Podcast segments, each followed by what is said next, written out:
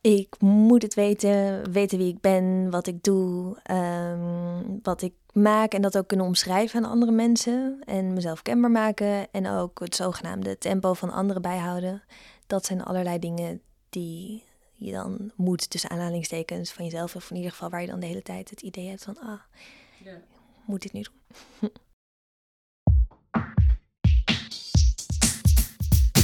Hoi, leuk dat je luistert naar Jonge Wegen de podcast. Mijn naam is Annette en voor mij gaat het dit jaar gebeuren. Ik ga afstuderen.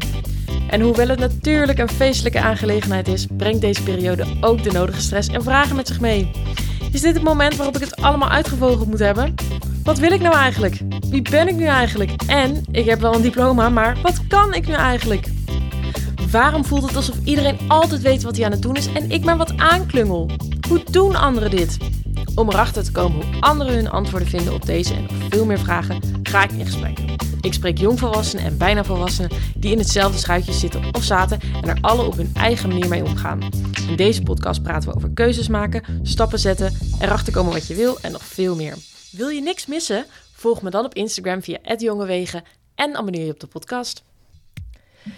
Ja, hallo, superleuk dat je weer luistert naar een nieuwe Jonge Weg. Mijn scriptie is ondertussen behaald, de zomer is aangebroken en dat betekent dat ik ben afgestudeerd. Maar mijn vragen zijn nog niet helemaal gestild, dus ik ga door met het zoeken naar verhalen en ervaringen van anderen. In deze aflevering spreek ik Merel. Merel studeert toegepaste fotografie en beeldcommunicatie en is dus fotograaf en beeldmaker. Binnen een creatieve opleiding komt je werk veelal voort uit jezelf en je eigen inspiratie. Moet je om een goede kunstenaar te zijn heel goed weten wat je doet en wie je bent? Hoe kijkt Merel als afstudeerder binnen een creatieve studie naar de toekomst en naar haar toekomstige loopbaan? Merel deelt haar visie op het hebben van een visie als beeldend kunstenaar en we hebben het over verantwoordelijkheid nemen en hoe je dat als een last en als een vrijheid kunt zien. Veel luisterplezier, dit is de jonge weg van Merel.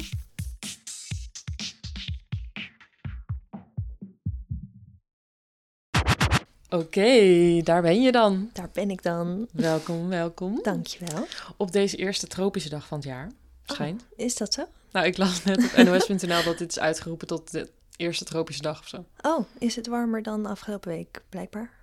Ja, het voelt gewoon precies hetzelfde. Want het is gewoon zo'n drukkende Hitte. hitte die de hele tijd blijft hangen. Ja.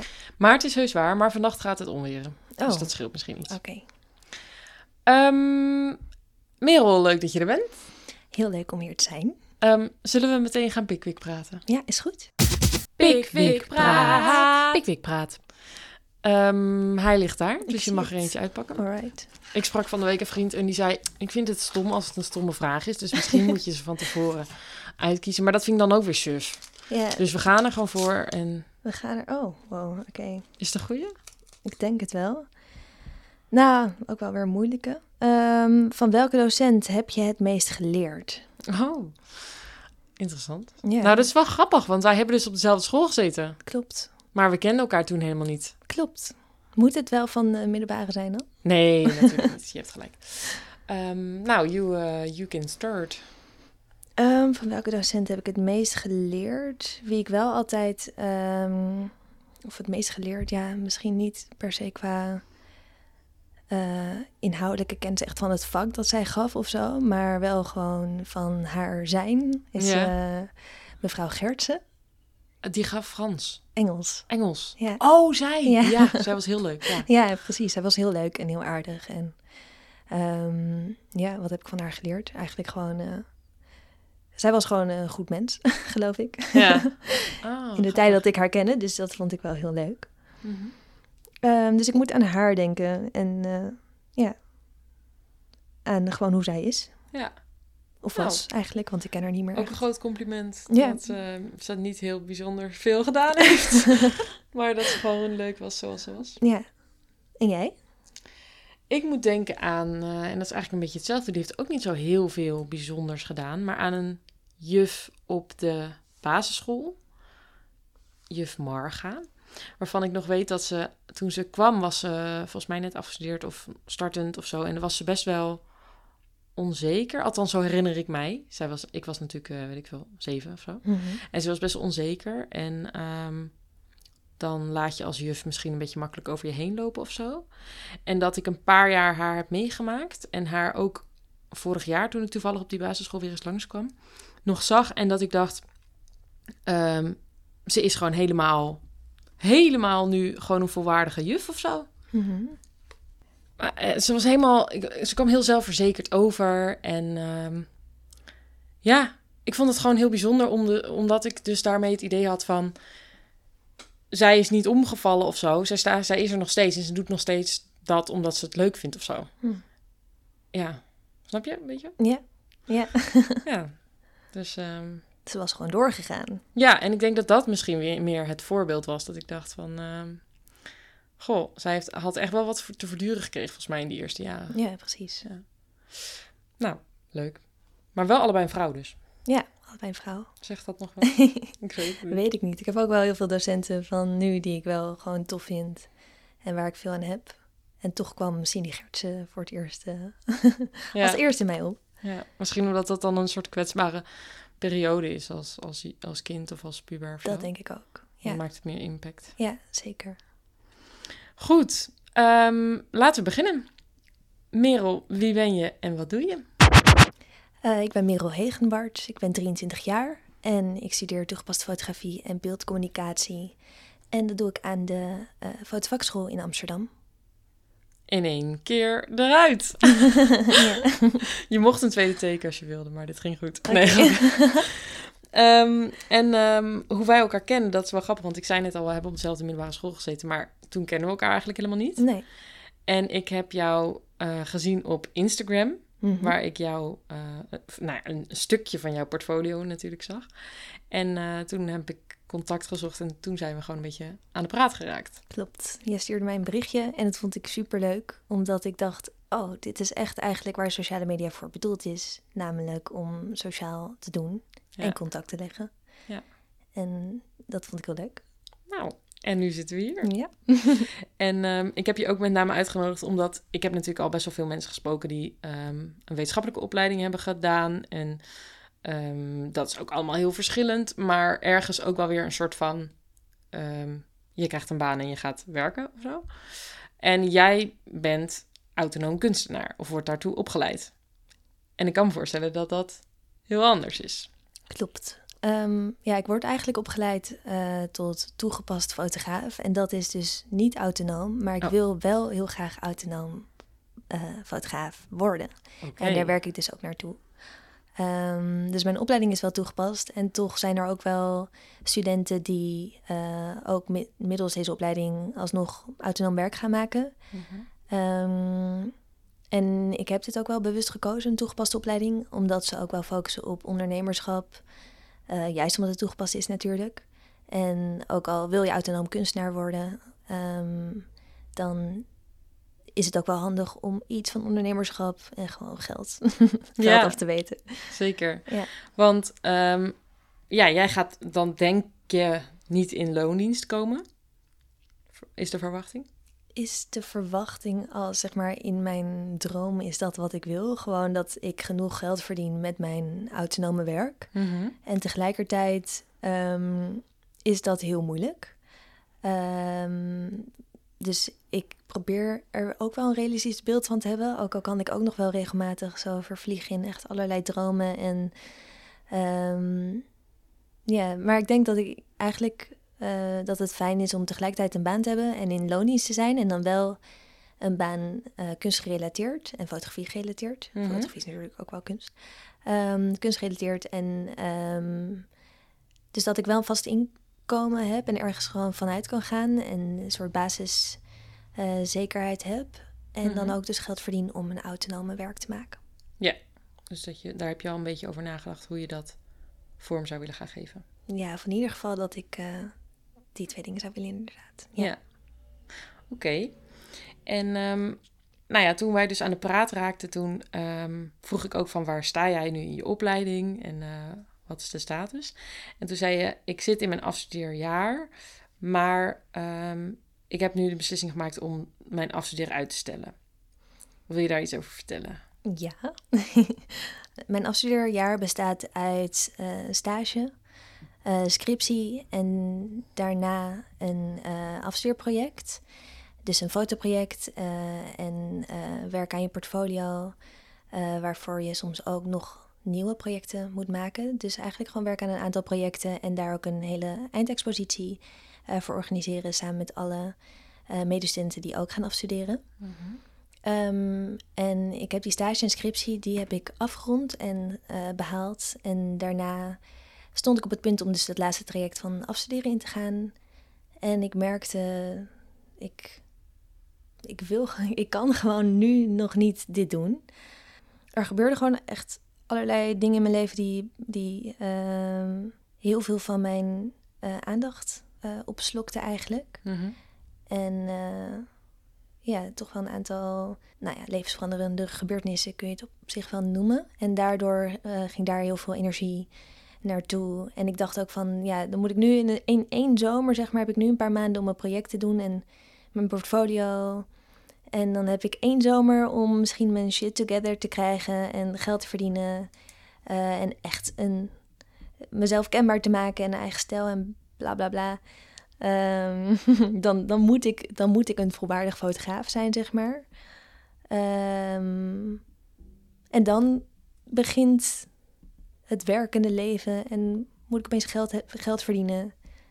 Uh, dus er waren allemaal dingen waarvan ik dacht, hier heb ik echt veel langer de tijd voor nodig. En dat kan gewoon niet nu. Ja. Ja. Dat klinkt ook al als best wel veel, inderdaad. En ik hoor je ook zeggen, dan moet ik dit en dan moet ik dat. Best wel veel voorwaarden, dus heel erg die voorwaardelijkheid. En um, wat moet je dan precies van jezelf? En, en waar moet je dan aan voldoen? Ik moet het weten, weten wie ik ben, wat ik doe, um, wat ik maak en dat ook kunnen omschrijven aan andere mensen en mezelf kenbaar maken en ook het zogenaamde tempo van anderen bijhouden. Dat zijn allerlei dingen die je dan moet tussen aanhalingstekens van jezelf of in ieder geval waar je dan de hele tijd het idee hebt van ah, ja. moet dit nu doen. Heb je het idee dat dat meer is in jouw situatie omdat je van een creatieve opleiding uh, komt en dat je dus ja jij bent je merk, zeg maar? Ik denk wel dat dat ermee te maken heeft. Want alles wat je maakt komt ook wel helemaal vanuit jou, zeg maar. Het is heel erg anders dan uh, wanneer je een theoretische opleiding uh, volgt. En um, dat valt veel minder samen met je persoonlijke leven vaak. En dit is, wat ik maak is ook heel erg persoonlijk. Dus eigenlijk direct of indirect ben je heel erg veel bezig met ook je eigen identiteit. Ja. En ja, soms valt het heel erg samen eigenlijk. En, en dat is wel uh, pittig soms. Ja. Um, maar betekent dat dan dus eigenlijk ook dat als het dus... Uh, want stel, je zit nu even in een fase dat je het even allemaal niet zo goed weet... of, of uh, je, je hebt, zegt ook van ik moet weten wie ik ben, ik moet weten waar ik voor sta. Stel dat je dat nu even niet weet. Nou, oké, dan zou je kunnen zeggen: ik wacht tot ik dat weet en dan ga ik mijn portfolio bouwen, bijvoorbeeld. Maar de kans is natuurlijk best wel groot dat dat nog een keer gebeurt in je leven. Althans, ik ben er ondertussen wel achter dat mensen op alle leeftijden dit soort crisissen krijgen. Dus is het dan niet een soort van altijd wachten tot je het helemaal zeker weet? Ja, ik denk het ook. Absoluut. Ja, ja, ik denk dat je het nooit zeker weet. En wat valt er ook te weten, zeg maar? Ik bedoel, je komt ook dingen te weten door dingen te doen. Ja. Dat is denk ik echt de manier ook om uit deze cirkel van eigenlijk heel veel nadenken en weinig echt gedaan krijgen te komen. Mm Is door gewoon te doen en eigenlijk ook wel zien, zeg maar, dan kom je te weten wat voor werk je maakt en uh, waar je van houdt en waar je niet van houdt en wie je bent. Of ja. Ja. Ja. Dus voor het uitdenken eerst doen. Ja, ik denk wel dat een beetje nadenken is ook wel weer goed. Ja. um, Alleen dan meer productief nadenken en minder in cirkeltjes en uh, minder proberen de toekomst te voorspellen die er eigenlijk niet komt als je gewoon niet aan de slag gaat. Ja. En als je het hebt over um, uh, weten wie ik ben voordat ik ja, werk kan verrichten, voordat ik volwaardig fotograaf ben eigenlijk. Um, hoe zie je dat voor je? Wat zou jouw ideale situatie zijn voordat je jezelf volwaardig fotograaf mag noemen? Um, dit vind ik een moeilijke. Mm wat, zou je, wat zou je zeg maar dan willen weten? Van mezelf, voordat ik echt aan de slag mag, zeg maar. Ja, dan toch wel dat ik het idee heb dat je um, en daar word ik heel vaak naar gevraagd eh, op mijn opleiding en ook door anderen wanneer je zegt ik ben fotograaf. Van wat is jouw, wat is je stijl, wat is je visie?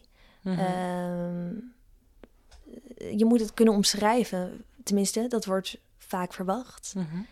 En deels is dat logisch, omdat je eh, mensen bedoelen het ook goed, zeg maar. Ik bedoel het ook altijd goed wanneer ik vraag eh, wat maak je en wat doe je. Je bent dan gewoon geïnteresseerd in, in diegene. Ehm, en tegelijkertijd denk ik, mijn visie op het hebben van een visie, is dat deze ook steeds kan en mag veranderen. En eh, dat het ook wel heel erg iets geks is om van zoiets veranderlijks als een mens in al zijn complexiteit te verwachten dat, ehm, dat je een vaste visie hebt of een vast format eh, waaruit je steeds opnieuw werk maakt.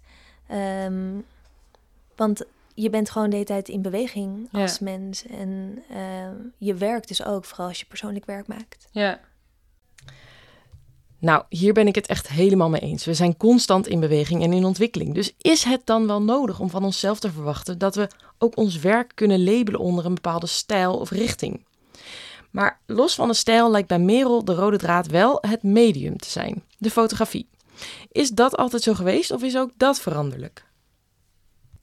Ehm, of het altijd zo is geweest, weet ik niet. Het is best wel vroeg ontwikkeld, dat wel. Eh, ik kon sowieso als kind echt heel erg dagdromen en de hele dag tekenen. En dan, nou ja, echt de hele dag gewoon met tekenen bezig zijn en met niks anders. Dus ik kon wel, eh, ik was denk ik rustig en ik kon ook, nou ja, ik kon ook wel druk zijn. maar ik was over het algemeen rustig en kon ook wel ja, ik, ik denk niet dat ik me ooit echt verveelde of zo. Dus ik denk dat mijn fantasie altijd wel rijk is geweest. En ehm, op, een ge- op een gegeven moment eh, ontdekte ik Tumblr. Oh, ja, Ken je dat nog? ja, ja, ja. Ja, en toen, eh, toen dat, dat, dat zijn eigenlijk alleen maar foto's. Eh, en daar was er een fotograaf, Hendrik Purien, geloof ik. En die, eh, daarvan vond ik het, het werk gewoon heel vet en die foto's. En ja, zo is mijn liefde voor fotografie, denk ik, ontstaan bij hem. En op een gegeven moment kreeg ik ook zelf een cameraatje. En eh, merkte ik ook wel dat allerlei dingen om je heen gewoon... ehm, dat het niet zeker is dat ze er lang zullen zijn, zeg maar. Dus begon ik van alles, van alles vast te leggen. En opeens dacht ik gewoon in beeld, eigenlijk. Vanaf rond, ja, zeg maar rond die periode. Dus ik denk ehm, elf jaar of zo. En dan zag je echt zo'n frame met Ja. een vaststaand beeld voor je. Ja, Oh ja. ja. En de hele sferen voelde ik gewoon die erbij hoorden. En eh, kleuren. En ik denk heel erg veel na. En ik voel heel veel. En daar moet ik uiting aan geven door middel van een, van een soort vertaling. En eh, ik kan in mijn, in mijn werk wil, wil ik dus die gevoelens, eh, wil ik daar iets mee. Mhm. Eh, en die kan ik vaak niet in woorden uitdrukken en wel in beeld. Dus dat is als het ware ja, de taal die ik beheers of de taal die ik spreek. Mhm. Ehm, zo communiceer ik. En eh, dan mag de toeschouwer zelf bepalen wat hij ziet. Voor Ja. Oh man, als kind deed je natuurlijk alles nog heerlijk puur omdat je het leuk vond om te doen. En er zat geen druk achter om met dat wat je maakte ook geld te verdienen. Maakt dat het nu anders? Merel maakt als fotograaf autonoom werk en commercieel werk. Vindt ze het een leuker dan het ander? Ik vind mijn eigen werk, eh, daar haal ik echt de meeste inspiratie vandaan op dit moment. En ehm, daar ben ik het liefst mee bezig. Mhm. Eh, terwijl ik soms ook wel opdrachten krijg die ik heel erg leuk vind, maar dat ligt echt, dat verschilt gewoon per organisatie. Mhm. Ehm, en ja, anderzijds vind ik het ook wel weer heel erg leuk als een particulier eh, mij vraagt om portretfoto's te maken, dat je dan even samen bent met diegene een, eh, een dagdeel, zeg maar. En vind ik het ook wel heel erg bijzonder om iemand vast te leggen en even te kletsen en ja, gewoon even samen zijn met iemand. Ja. vind ik, vind, dat vind ik ook heel erg leuk eigenlijk aan toegepast werk. Ehm, want ik maak dan toch wel vooral als toegepast werk eh, portretten. Ja. En, eh, oh ja, en ik fotografeer ook evenementen als toegepast werk. En dat vind ik dus ook wel heel erg leuk, omdat je dan rond kan lopen en ook wel aan de praat raakt. Ehm, en ja, ik vind het gewoon fijn om dan de controle te hebben en eh, op een hele leuke plek met vaak hele leuke mensen daar een beetje rond te lopen met mijn camera en Ja, goed, te kijken, goed omheen te kijken, zeg maar. Dat vind ik wel leuk. Heel leuk. Ehm, en qua autonoom werk, ehm, ja, dat is toch wat gewoon het dichtst bij mij ligt als persoon. Mhm. Ehm, dat het vaak persoonlijke projecten zijn en gaat over de mensen omheen. Ehm, ja, dus ja is, dat, is dat jouw grootste inspiratiebron? de mensen om mij heen. Ja. Niet per se, maar wel mensen. En ook wel de mensen om me heen, daarvan krijg ik dan het meest gedetailleerd hun leven mee, denk ik. Ja. Eh, dus dat vind ik ook wel. Maar een, een hele grote inspiratiebron voor mij is ook wel film. Oké. Ehm, dus eigenlijk gewoon mensenlevens. Dat is wel een, ja, eigenlijk een. En ook wel vooral alle hevige gebeurtenissen en emoties en beslissingen in een leven en alle fases waar je doorheen kan gaan. Ja, Dat is, eh, ja, alle hevige dingen. dus eigenlijk ehm, ben je perfect voor deze podcast. nou ja, want dat is wel Nee. grappig, want daar hadden we het over dat ik het soms best wel moeilijk vind ehm, om... Aan de ene kant wil ik natuurlijk een soort van eh, zeven tips om eh, je studietijd door te komen of zo, weet je wel? Weet je wel, Mhm. van die clickbait. Mhm. Ehm, want dat werkt goed. En aan de andere kant wil ik zo dicht bij de kern komen. Dat, wat mijn eigenlijke doel is gewoon dicht bij de kern van iemands echte verhaal. En dat delen of- om gewoon herkenning te geven aan anderen. Ja, En daarin zie ik heel erg die gelijkenis tussen wat jij ook zegt van ik moet geld verdienen en ik moet eh, ja, opdrachten doen. En aan de andere kant is mijn autonome werken is veel meer wat ik mooi vind delen en de, ja, de pure onderdelen van het menselijk bestaan of zo. ja de echtheid, zeg Ja. maar. Precies, Ja, dat vind ik mooi. ja. En die opdracht waar je het over hebt eh, voor klanten, komen die naar jou toe of hoe moet ik dat voor me zien? In principe komen die naar mij toe. Ik heb nu wel echt weinig opdrachten. En ook vooral met corona echt, eh, nou ja, bijna geen opdrachten gehad eigenlijk. Ehm, ik maak dan ook echt, vind ik zelf, te weinig reclame. En dat is ook wel zo. Eh, ja, ik maak eigenlijk heel erg weinig reclame voor mijn eh, toegepaste opdrachten. Ook omdat ik me eigenlijk ook de laatste maanden veel op mijn eh, autonome werk wilde richten. Ehm, maar als ik kijk naar de afgelopen jaren en opdrachtgevers, dan kwamen die wel naar mij toe. En dan kwamen die ook wel vooral uit de kring in Ede. Dat is wel grappig. Het is Oh ja. gewoon waar ik vandaan kom. Daar komen ook nog wel steeds de meeste particuliere opdrachten vandaan. En op een gegeven moment was er een soort van shift toen ik ook wel een aantal, of gewoon een tijd in Amsterdam woonde. En eh, toen heb ik een aantal keer zelf iemand gevraagd of ik diegene mocht, foto mocht fotograferen. Ehm, omdat ik, en dat was dan eigenlijk, zou je dat ook wel kunnen zien als autonoom werk dan. Ja, En daaruit zijn ook wel toegepaste, of ja, dus gewoon opdrachtgevers gekomen die mij hebben gevraagd voor opdrachten.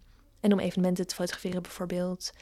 Ehm, ja, dus op een gegeven moment was er ook wel een soort van kring in Amsterdam waar wat opdrachten uitkwamen. En nu is dat echt op een heel laag pitje. ja. En wat je, want je zegt van ehm, de meeste mensen komen naar jou toe, ehm, maar je hebt ook dus zelf wel wat mensen benaderd. Want ik weet nog dat jij eh, Milou Delen bijvoorbeeld zelf hebt gevraagd van mag ik een foto van jou maken? Ja, klopt. Die is nog in de Volkskrant gekomen ook geloof ik, of niet? Eh, ja, in het Parool en Oh. nog een paar tijdschriften online. Ja, dat is Ja. echt mega vet. Ja, dat vind ik ook leuk. Alleen is dat dan heel bewust zo van oké, dit doe ik echt voor eh, ja, een beetje publiciteit en een, dat je een bewuste stap maakt voor je portfolio? Of is het omdat jij dus als autonoom maker denkt, ik wil deze persoon op zo'n manier in beeld brengen? Ja, vooral dat laatste. En toen was het ook gewoon van, ik bewonder haar en ik heb heel veel affiniteit met de dingen waar zij het over heeft. Want daar was ik destijds ook heel erg mee bezig, eh, met feminisme. En ehm, dus ik wilde haar gewoon, ja, ik weet het, ik wilde haar gewoon fotograferen. Ja. En ik had er ook van tevoren niet eh, destijds nog heel erg veel wilde ideeën over van hoe en waar. En eh, ik wist gewoon dat ik haar graag wilde fotograferen. En Ja. ehm, het was niet met voorbedachte, voorbedacht plan van dan, nu gaat het in alle kranten komen. Ehm, want het was gewoon wel voor mijn eigen portfolio. Ja. Eh, ja, en toevallig werd het gewoon een paar keer gebruikt. Heel gaaf. Ja, was wel leuk. Echt vet. Ja. En die andere klanten, ehm, die vinden jou dan, dan dus vooral via connecties. Niet per se nog via je website of, of Nee, ik- Instagram. Mm, nee, eh, even denken hoor. Nou, ik had laatst dus wel een ander iemand gefotografeerd die ook wel iets bekender was. En via die persoon, die heeft dan wel een hele grote Instagram, of ja, hele, heel veel volgers. En ehm, op die manier kwamen wel weer mensen, of Oh kwam ja. een organisatie wel weer naar mij toe met een opdracht. Ehm, dus zo kan het ook nog gaan. Ja. Ehm, maar via mijn website of zo, nee, echt heel weinig. Ja. En via mijn Instagram over het algemeen ook weinig, volgens mij. Ja, nauwelijks. Maar ik denk wel ook, eh, zeg maar, als ik terugkijk naar die tijd, eh, toen eigenlijk meer in een soort feministische kring in Amsterdam, daar is een paar organisaties. eh, eh, daar kwamen wel mensen naar me toe via mijn Instagram. Maar dat was ook weer omdat ik dus, ik denk uiteind- uiteindelijk misschien toch wel omdat ik Milou Delen had gefotografeerd. ja. En ook wel een eh, La Fête de la Femme was een zo'n evenement. En ja, toen waren er wel wat andere soortgelijke dingen die Ja. op me afkwamen. Dus eigenlijk werkt het dan dus toch wel om een soort van een beetje een niche te kiezen. Ja, ja, ik denk het wel. Ja, En heb je daar... eh, zou je in zo'n niche willen blijven? ja op zich wel. Ik heb het dus alleen niet echt onderhouden of zo. Nee, oké. En dat heeft ook wel echt met corona te denk ik, ja, nou ja, uiteindelijk. Misschien is dat ook echt helemaal niet waar. Misschien, nee. Nou ja, met die evenementen natuurlijk wel. Ja, klopt. Er, was, er gebeurde eigenlijk gewoon niks een paar maanden lang. Ja. En dat is ook wel zo. Ik had wel ook nog twee dingen gepland staan en die werden dus ook, of twee opdrachten, en die werden dus ook afgelast. Ja. Ehm, ja, ik, ik, wer, ik netwerk eigenlijk alleen gewoon niet per se zoveel. Ik weet ook niet op, zeg maar, ik ben er ook wel weer achter gekomen dat netwerken. ehm, dat ik dat het liefst gewoon heel erg op mijn eigen manier doe. En dat is ongedwongen. En als je eigenlijk iemand toevallig tegenkomt. Ja. En niet per se, ik ga nu met jou praten en jou nu mailen. Of... ja, dat is heel grappig, want ik vind netwerken... Ik zou eigenlijk nog wel een hele aflevering over netwerk willen maken, maar ehm, daar hangt zo ook zo'n soort van viezig beeld omheen. En dan moet je naar zo'n netwerkborrel. Ehm, maar wat ik eigenlijk nu al heel grappig vind, is dat wij elkaar gewoon hebben aangesproken. Mhm. En eh, dat ik nu ook ineens denk, wat ik net zei van, nou, misschien wil ik eigenlijk wel foto's van mezelf, weet je wel. Mhm. En dat je dan zo, op zo'n manier eh, gaan dingen ook rollen. Ja. Alleen dat is wat minder, ja, via de standaard netwerk manier of zo. Ja, en die standaard netwerkmanier is al lang ook niet meer. Nee, zo. dat is ook zo. Dat is ook, zeg maar, ik heb nog steeds ook wel dat beeld als ik zeg netwerken of zo, dan heb ik bij dat woord een hele, Ja, een heel beeld van allerlei mensen. de- mm, overprikkeling. Ja. Ja. Ehm, en je kan gewoon op heel veel manieren netwerken. En het is eigenlijk ook gewoon. Of netwerken. Het is gewoon iemand leren kennen die je gewoon leuk vindt. Ja. En waar je misschien iets mee wil doen of zo. Dus eigenlijk is het gewoon heel leuk. Ja. Het is meer gewoon een soort van openstaan voor ontmoetingen. Precies. Ja. Ja. Leuk. Hey, en nog even over, ehm wat je zei, ik doe eigenlijk niet zo heel veel met Instagram, maar we hebben het er wel regelmatig over. We kennen elkaar dus via Instagram. Van het Instagram en sociale media überhaupt en internet en al die dingen ehm, hebben, brengen heel veel goeds, maar het kan je ook helemaal overspoelen, lijkt Mhm. mij als maker, als beeldmaker. ja. Hoe, eh, wat is jouw verhouding met iets als Instagram? Instagram. Ehm, wat is Instagram voor mij? Eh, er was inderdaad echt een tijd dat ik heel erg overspoeld was. Ehm, door alle fotografen en filmmakers en weet ik veel wat voor makers ik volgde. En al het werk dat ik daarvan zag. Eh, wat allemaal heel vet was. En waar ik, waarvan ik eigenlijk gewoon dacht, wauw, nice. Ik eh, kijk dan naar mijn eigen portfolio en dan denk ik, nou... Ja, maar dat is dus het punt. Precies, Dat- je daar gaat jezelf vergelijken. Ja. Ja. En, en soms is het dat, zeg maar. Dat is het ook wel eens geweest. En dan vooral ook wel als ik zelf even weinig tussen aanhalings gedaan eh, kreeg. Want wat is nou ook iets, wat is nou ook veel gedaan krijgen, zeg maar. Ik bedoel, mensen die plaatsen vaak alleen maar iets als ze iets gedaan hebben. Ja. En die tussentijd, ja, dan zit je zelf in die tussentijd waar je even niks gedaan krijgt. En dan kijk je naar dat ander. En dan Ja. dus het is eigenlijk. ehm, Of dat, of het bood me gewoon wel heel erg veel inspiratie. En vaak als ik dan bewust uh, veel inspiratie zocht, of gewoon inspiratie zocht voor mijn eigen projecten, en dan uh, met een doel eigenlijk op Instagram ging, Mhm. dan, vo- dan vond en vind ik het heel fijn dat Mhm. het er is. En, en tegelijkertijd eh, ook weer niet te lang, zeg maar. Er moet wel een eind aan zitten of zo. Ja. Want eh, je merkt het wel vaak. Ik, ik merk het althans heel erg goed. Ik voel echt heel goed aan wanneer het te veel wordt en wanneer ik eigenlijk zit te scrollen en scrollen en eigenlijk wil je iets doen in je, eigenlijk wil je iets anders doen Ja, en je, je zit soort van, eh, ja, ja, ja. Maar Ja. dan ben ik, vaak ben ik dan al te ver gegaan. ja, precies. Dan zit je eigenlijk al over je, Ja. je tax. Ja. Heb je daar een tip voor? Of ik daar een tip voor heb. Ja. Ehm, ja, Instagram maar afgooien. Ja. Ik heb dat wel een tijdje gedaan. Ja. Dat ik het gewoon verwijderde als ik even niet. Nou, nee, maar wat ik, wat ik merk bij mezelf is als het goed met me gaat en met mijn projecten. En ehm, dan vind ik Instagram ook prima, zeg Mhm. maar. En ook leuk om daar dingen op te zien. En als het met mijn projecten wat minder goed gaat en ik zit eigenlijk gewoon even, ik voel me een beetje matig. En ik voel heel veel druk van, van om, iets te maken. Ehm, dan helpt het niet om op Instagram te zitten. En dan helpt het eigenlijk om gewoon te beginnen met iets te maken, zeg maar, in kleine Ja. stapjes. Dus het ligt een beetje aan hoe ik me voel, eigenlijk. Wanneer ik er af wil, of juist erop. Of ja, uiteindelijk. Je moet daar meer bewustzijn in jezelf over creëren, dus. Ja, en ik had het hier laatst nog over met iemand en die zei ehm, dat het ook best wel gek is, zeg maar, als je dus zoveel inspiratie-accounts volgt en je hebt nu dat algoritme en zo en je met de bewustwording dat je, dat je eigenlijk heel erg veel beelden opslaat Hmm. En alles wat je ziet wel ergens in een archiefje belandt, ehm, hoe erg dat ook jouw werk kan beïnvloeden. Eh, dus wat je maakt en dat je onbewust misschien toch dingen gaat kopiëren. En ehm, ik vind het een heel gek idee dat Instagram kan bepalen wat voor werk ik maak uiteindelijk. En dat het me heel erg een kant op kan sturen. Ja, Ehm, ja, dus dat vond ik best wel een eye-opener. Dat ik dacht, ik wil er helemaal niet zoveel tijd op aan besteden. ja. Want ehm, ik denk juist dat om ook enigszins authentiek werk te maken, zeg maar, dat je eh, niet te veel naar het werk van anderen moet kijken en ook er wel dicht.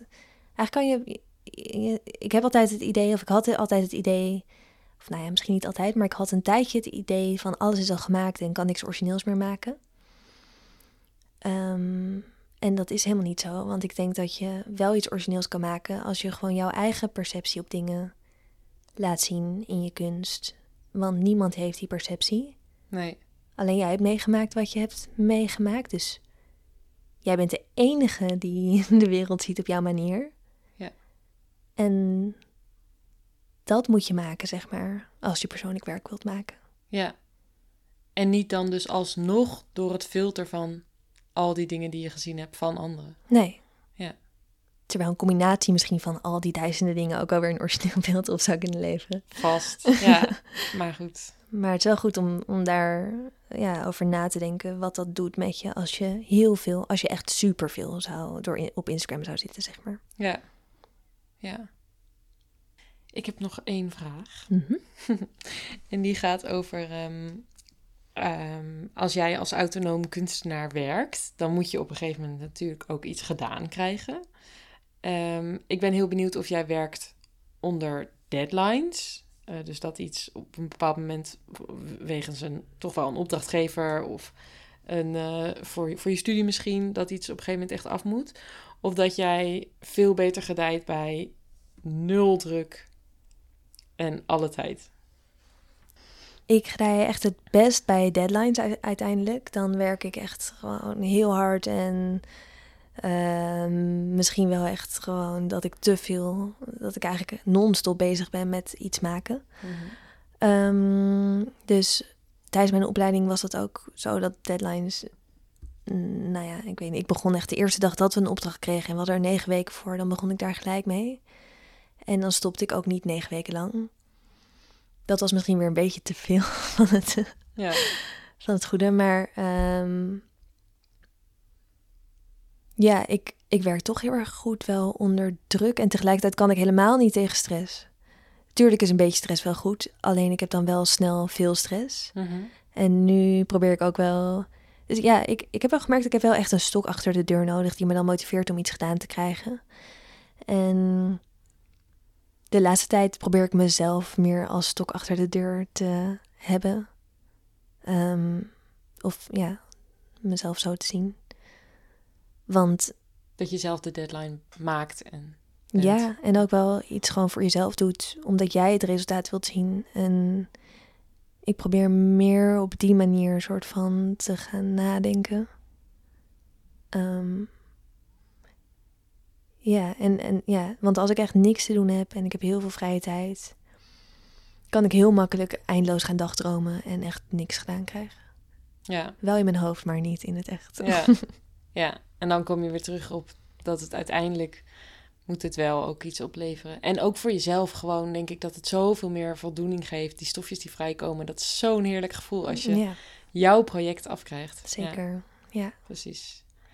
Ja, dat En is- ook wel verslavend, uiteindelijk. Ja, zeker.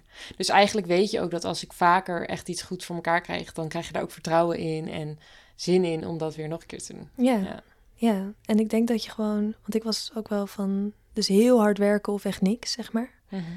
Ehm, en ik probeer nu gewoon constanter te zijn, dus iedere dag een beetje en ook kleinere stapjes. En dat ik vind dat wel heel moeilijk. En daar ben ik gewoon nu mee aan het oefenen. Mhm. Ehm, maar wat constanter en dat je het ook gewoon ziet als normaal om daarmee bezig te zijn.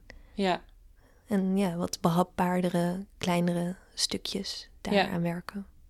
ja, want wat je, wat je in het begin zei van eh, een zogenaamd tempo van anderen bijhouden. Ja, ik herken dat heel erg, maar Mhm. ehm, dat is zo gek eigenlijk om van jezelf een tempo te verwachten, terwijl, Ja, ja, zo, want verwacht jij een hoog tempo van jezelf al? Ja, vaak wel. En soms niet eens hoog. Ja, nee, ik denk meestal wel hoog.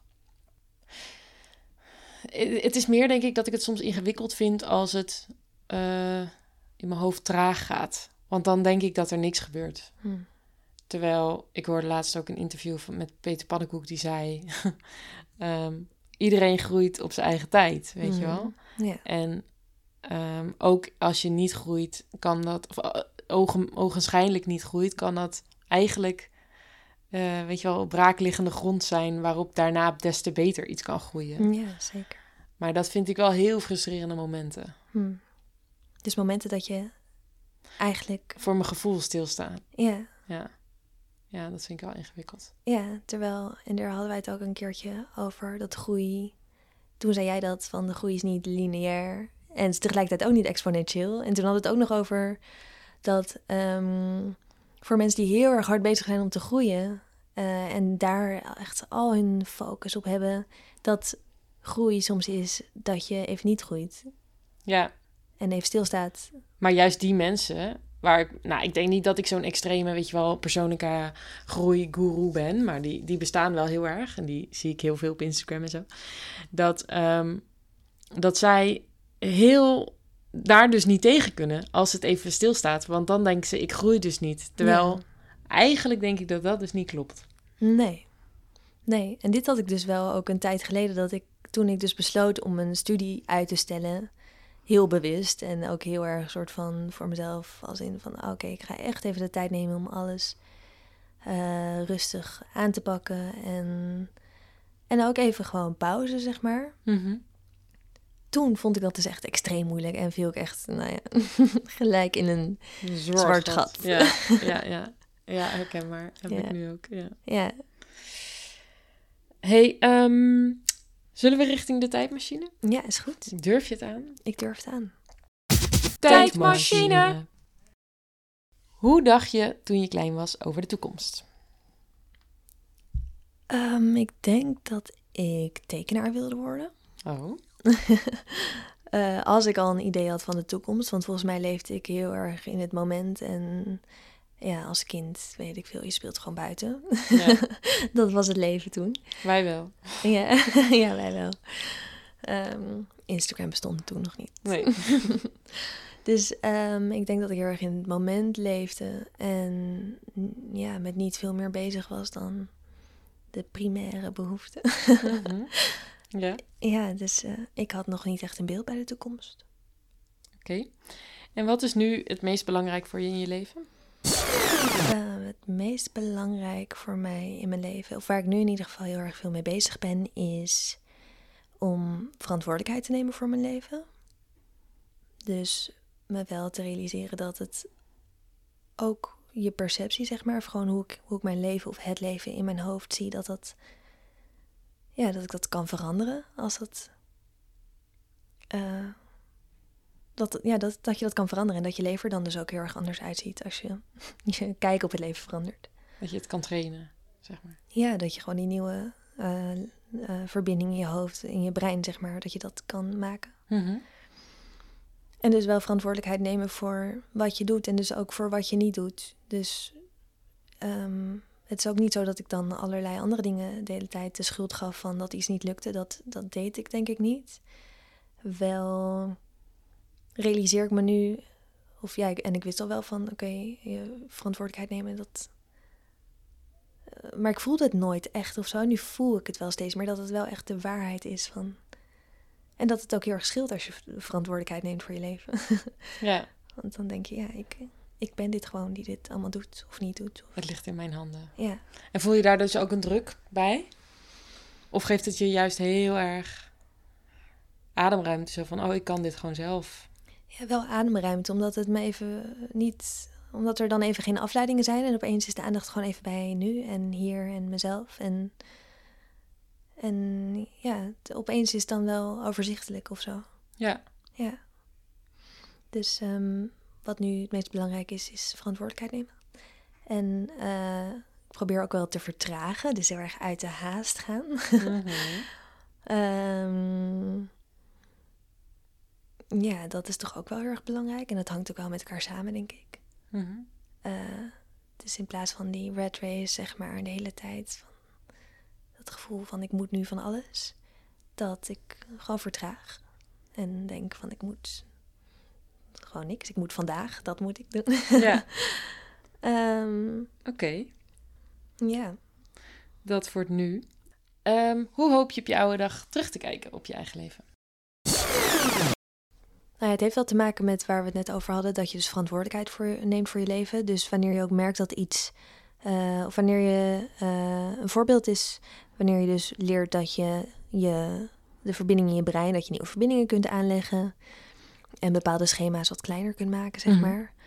Ehm, en andere groter, waardoor je leven dus ook wel weer verandert. Als je dat eenmaal leert, ehm, dat je dat dan ook gaat doen als dat voor jou juist is. Ja. En eh, dus hoe ik terug hoop te kijken op mijn leven, en dit was dus een voorbeeld, is dat wanneer je iets leert eh, en je denkt: dit is beter voor mij, dit gaat mij helpen, ehm, ook is het moeilijk, dan ga ik dat alsnog doen. Eh, dus dat je daarin ook wel een moedige keuze durft te maken. Die Ja. soms wel lang, eh, Een lange termijn, lang zeg maar. ja, lange termijn dingen of waar je, waar je lang ook wel je best voor moet doen. Ja. Ehm, dus ik hoop eh, terug te kijken op een leven met moedige keuzes.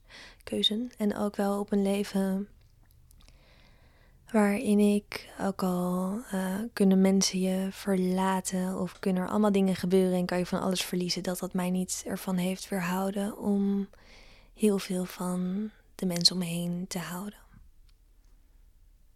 Mooi. Moedig leven en blijven liefhebben. Ja, Ik gun het je op je oude dag. Nu al eigenlijk. Ehm, dan wil ik graag als laatste vragen of je nog een advies hebt voor mensen die zich eh, misschien herkennen in jouw loopbaan of in jouw situatie. Zijn er dingen die je wil meegeven? ik heb zoveel advies.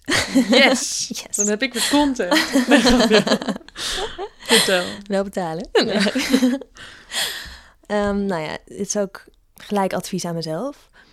Ehm, ja, allereerst denk ik, eh, is iets heel belangrijks voor mij op dit moment ook. En misschien ook wel voor heel veel anderen. Van, forceer het niet als je het nog niet weet. als je nog niet weet hoe je toekomst eruit gaat zien, wie je bent, wat je doet, wat je maakt, dan is dat gewoon de status. Dan is dat gewoon wat het is. En niks meer dan dat. Dan weet je het gewoon niet. Punt. Ehm, en alles ligt dan open en dat is dus ook wel heel erg bijzonder. Dat heb je namelijk ook niet altijd in je leven. En wat ook nog een advies is, is dat je, denk ik, veel meer voelt uh, voor jezelf wat goed is. En dat er, ik denk dat er echt super veel afleidingen zijn. En vooral ook met sociale media en de levens van anderen die je de hele tijd, die uh, soms in je achterhoofd gaan spoken op de een of andere manier. Dat je eigenlijk veel beter. Uh, ik heb zelf dan, dan heb ik soms van die momenten dat ik denk, oh, ik moet dat doen en ik moet dat doen en ik moet ook dat doen en dat vind ik ook zo gaaf. En oh, misschien moet ik wel uh, piloot worden of zo, weet je. Gewoon iets heel anders. Um, terwijl dat zijn, ik merk vaak heel goed aan mezelf wanneer dat een soort haast is en wanneer het dus iets is wat komt uit rust en dus meer waar is voor mij.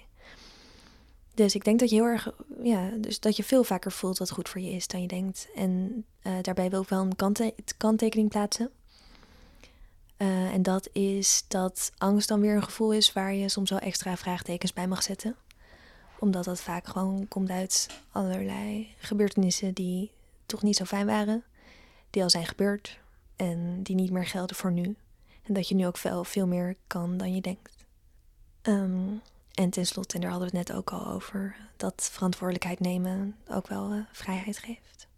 Ja, oké, vrijheid. Maar wat zeggen we dan tegen alle mensen die bij verantwoordelijkheid denken? Help, ik heb het zo druk.